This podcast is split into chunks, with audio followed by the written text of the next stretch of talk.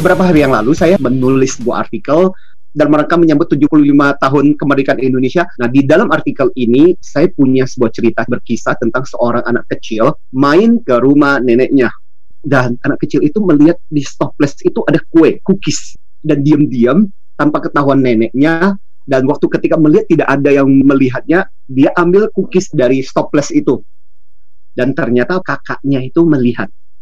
Nah, sejak itulah kakaknya kemudian memperalat adiknya itu. Jadi setiap kali adiknya disuruh ini dan suruh itu. Kalau adiknya nggak mau, kakaknya pasti bilang, ayo, ingat nggak kamu ngapain? Nanti tak laporin loh sama nenek. Jadi selalu seperti itu. Dan berhari-hari selama tinggal di rumah nenek, kakaknya memperalat adiknya dengan cara seperti itu. Jadi suruh ngambilin ini, suruh ngerjain itu, suruh apa pun hingga akhirnya kemudian si adiknya ini sendiri merasa bersalah sebenarnya sudah mengambil kue-kue dari uh, stoplessnya si nenek itu. Sampai satu hari akhirnya dia memutuskan datang ke nenek dan melapor. Nek, saya mau lapor nek bahwa saya sudah mengambil kue-kue yang ada di stopless itu. Tahu nggak neneknya ngomong apa? Cucuku, cucuku.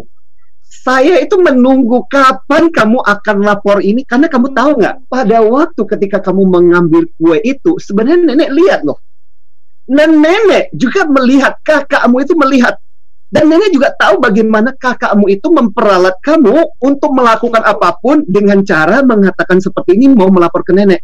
Nah, mm-hmm. jadi sebenarnya nenek sendiri udah tahu tentang apa yang terjadi. Cerita ini punya makna yang menarik. Kadang-kadang banyak di antara kita yang hidupnya itu juga seperti si anak kecil itu. Artinya apa?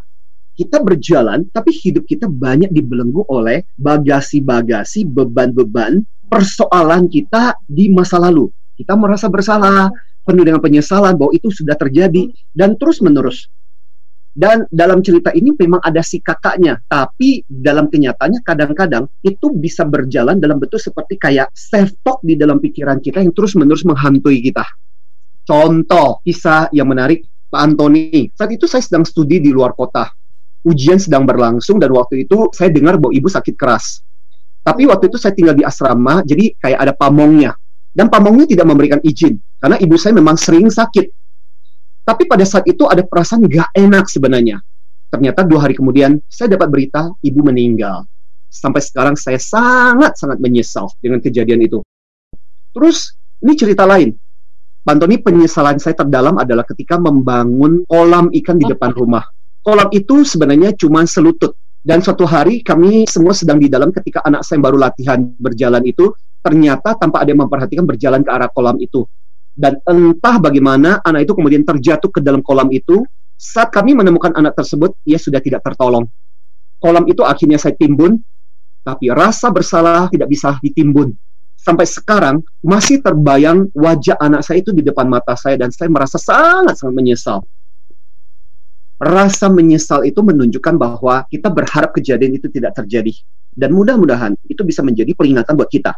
Problemnya adalah ada orang yang situasinya bukan cuma seperti itu. Tapi terus-menerus ini menjadi kayak seperti kayak film yang diputar terus-menerus di otak di kepala. Dan itu menjadi semacam penyesalan besar sehingga akhirnya kemudian betul-betul merampas seluruh kebahagiaan hidup orang itu itu sebabnya kita akan mengambil intisari dari pembelajaran dari sebuah buku yang sangat keren yang judulnya juga adalah Emotional Freedom. Itu karya seorang dokter namanya Dokter Judith Orlov yang banyak di antara pasien-pasiennya penyakitnya nggak sembuh-sembuh, kenapa penyakitnya bermasalah terus-menerus, akhirnya kemudian jadinya dia lari juga ke urusan psikologis dan dia menemukan banyak di antara pasien-pasien ini penyakit yang mereka alami itu terkait dengan problem masalah-masalah emosi yang enggak selesai. Kemudian termanifestasi dalam bentuk penyakit. Emotional freedom, liberate yourself, dia bilang, from negative hmm. emotion and transform your life. Jadi bagaimana caranya kita membebaskan diri kita dari emosi-emosi yang negatif, lantas kemudian bagaimana caranya kita bisa transformasi kehidupan kita menjadi diberdayakan oleh situasi ini mungkin teman-teman atau rekan-rekan pernah dengar kisahnya Alfred Nobel. Dia kan diceritakan dia penemu yang luar biasa dan penemuan dia yang membuat kaya luar biasa itu kan penemuan dinamit. Tadinya dinamit itu dipakai untuk meledakkan tambang. Tapi di luar dugaan ternyata dinamit itu justru dipakai untuk perang. Dan itu membuat hancur hati dia. dalam penyesalan itu akhirnya yang dia lakukan adalah kemudian dia menciptakan yang namanya Nobel, hadiah Nobel. Dan salah satu hadiah Nobel yang dia berikan adalah Nobel perdamaian sebagai bentuk penyesalan sebagai bentuk ungkapan bagaimana betapa dia merasa bersalah okay. bahwa dia sudah menciptakan yang namanya dinamit itu. Okay. Itu contoh orang yang bertobatnya benar. Pertanyaannya adalah banyak orang yang nggak bertobat-tobat seolah-olah senang menyiksa dirinya dengan terus-menerus membawa emosi rasa bersalah, emosi rasa menyesal gitu. Hmm. Bagaimana kita bisa tahu manusia yang masih dihidupi oleh perasaan-perasaan itu? Sebenarnya gini, ada tiga hal yang bisa menjadi indikator. Jadi satu adalah ketika Anda masih punya strong feeling from the past jadi masih ada perasaan yang sangat kuat sekali dari masa lalu. Jadi bukan cuma sekedar kenangan lagi gitu. Yang kedua adalah dia suddenly can pop up uncontrollable. Jadi benar-benar kadang-kadang bisa puing, muncul aja tanpa bisa dikendalikan. Itu bisa rasa menyesal, rasa benci, rasa marah, rasa malu dan sebagainya. Yang ketiga adalah it can ruin your mood and your day. Benar-benar merusak harimu, merusak moodmu yang tadinya lagi happy-happy, lagi ngobrol-ngobrol, tiba-tiba moodnya langsung rusak. Mari kita lihat apa kaitannya dan yang menyebabkan kenapa ini muncul. Alasan hmm. pertama, karena kita punya penyesalan atas satu kejadian di masa lalu. Jadi, I wish this is not happen. Ini ada cerita lagi dari salah satu rekan kita yang dia cerita begini. Saya kehilangan ayah yang sampai sekarang tidak ketemu. Mm-hmm. Waktu itu beliau pulang dari rumah dan entah kenapa saya biarkan beliau itu naik angkot rumahnya memang nggak terlalu jauh dan ternyata ayah tidak pernah sampai ke rumah sejak itu dicari ke rumah sakit nggak ada nggak ada yang menemukan dan sampai kami pasang beritanya pun tidak ada dan itu terjadi bertahun-tahun jadi kami anggap ayah sudah meninggal nah kayak gitu-gitu menyimpulkan penyesalan. Nah yang kedua bisa juga ada satu harapan yang nggak terpenuhi contoh kalau ada orang tua berharap anak anda akan menikah dengan si itu hmm. dan itu nggak terjadi apalagi ternyata pernikahan mereka nggak terlalu berhasil atau misalnya orang tua berharap susah-susah sekolahin, berharap anaknya akan masuk di jurusan tertentu, fakultas hmm. tertentu.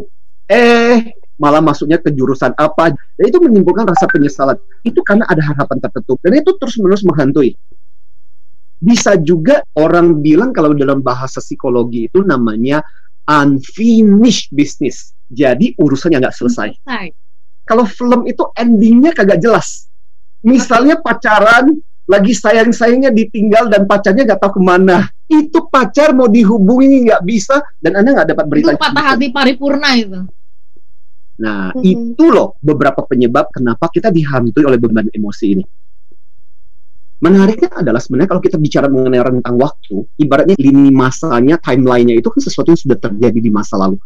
Dan kalau kita nggak bereskan, berarti apa? Di perjalanannya akan datang pun kita masih akan terus-menerus membawa beban-beban ini. Yang menarik adalah bagaimana Dokter Judith Orlov dia membantu pasien-pasien ini untuk membebaskan diri mereka dari emosi-emosi yang membelenggu mereka supaya penyakit mereka juga sembuh. Ketika masalah-masalah emosi itu betul-betul bisa dirilis. Pertama, yang dilakukan adalah jujur. Problem terbesar dengan kebanyakan dari kita adalah kita tahu bahwa itu pernah terjadi. Kadang-kadang itu muncul, tapi yang sering kali adalah kita mencoba bentuk kayak seperti rambut, kita berusaha menyibakkan cuma hanya bikin dia berlalu begitu saja. Tapi yang jelas hmm. kita tidak pernah mencoba untuk betul-betul face to face dengan apa yang terjadi. Dibutuhkan nyali soalnya. Karena memang nggak nyaman buat kita untuk betul-betul secara jujur melihat kembali kejadian demi kejadian itu. Nah, yang terjadi dengan mereka-mereka punya masalah gangguan yang terus menghantui adalah pikiran mereka, kenangan mereka itu fraction, jadi pecahan-pecahan ada semacam penolakan dari mereka untuk melihat ini secara utuh. Ya, misalnya contoh bapak yang anaknya meninggal di kolam itu.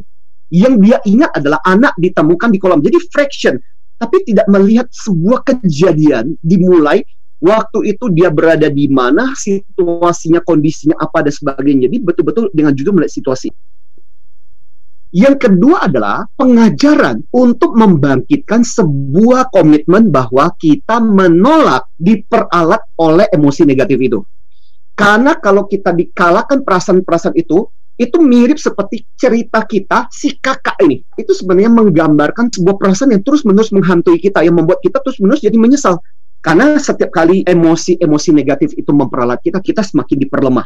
Jadi kalimat bahwa aku ingin berubah, aku sudah berubah, aku sudah bertobat, aku sudah komit untuk mengubah hidupku setelah kejadian itu. Kemudian menjadi semacam mantra yang diucapkan terus-menerus setiap kali pikiran itu muncul. Yang ketiga yang paling menarik dari latihan ini, yaitu bagaimana kita melakukan transformasi. Oke, kamu punya perasaan menyesal. Terus pertanyaannya adalah, yang sekarang kamu bisa ubah itu apa sih? Misalnya kisah tentang seorang pemuda, dia minum alkohol, dan kondisi mabuk, dia nabrak mati seorang anak kecil. Hmm. Dan itu menjadi sesuatu yang terus-menerus menghantui dia. Sejak itu, akhirnya bergabung di dalam salah satu kampanye nasional anti alkohol. Yang menarik adalah pada saat ketika itu bisa terjadi, berbagai penyakit kulit, penyakit alergi yang dideritanya itu berangsur sembuh kita berharap teknik-teknik yang di-sharekan oleh Dr. Judith Olof buat kita ini bisa membantu juga. Mungkin dalam hal ini bukan buat kita, tapi mungkin ini juga bisa kita lakukan buat orang-orang di sekitar kita, orang-orang yang kita cintai. Saya ingin menutup dengan satu kalimat kunci. Haruskah diri kita ini masih terjajah? Memang secara lahir ya kita tampak begitu sempurna, tapi masih banyak yang hidup di dalam rasa bersalah hidup dalam kenangan dan emosi pengalaman lamanya. Badannya merdeka, tapi perasaan-perasaan masih menjajanya. Itukah Anda? Masa lalumu tidak bisa disentuh dan dirabah. Jangan berharap bisa lagi putar lini masa. Tapi rencanakan buat masa depan yang ada, biarkan semua emosi yang kau rasakan kini jadi alat transformasi diri yang paling berharga. Justru membuatmu ingin perbaiki situasi masa kini dan masa depan yang masih ada di depan mata.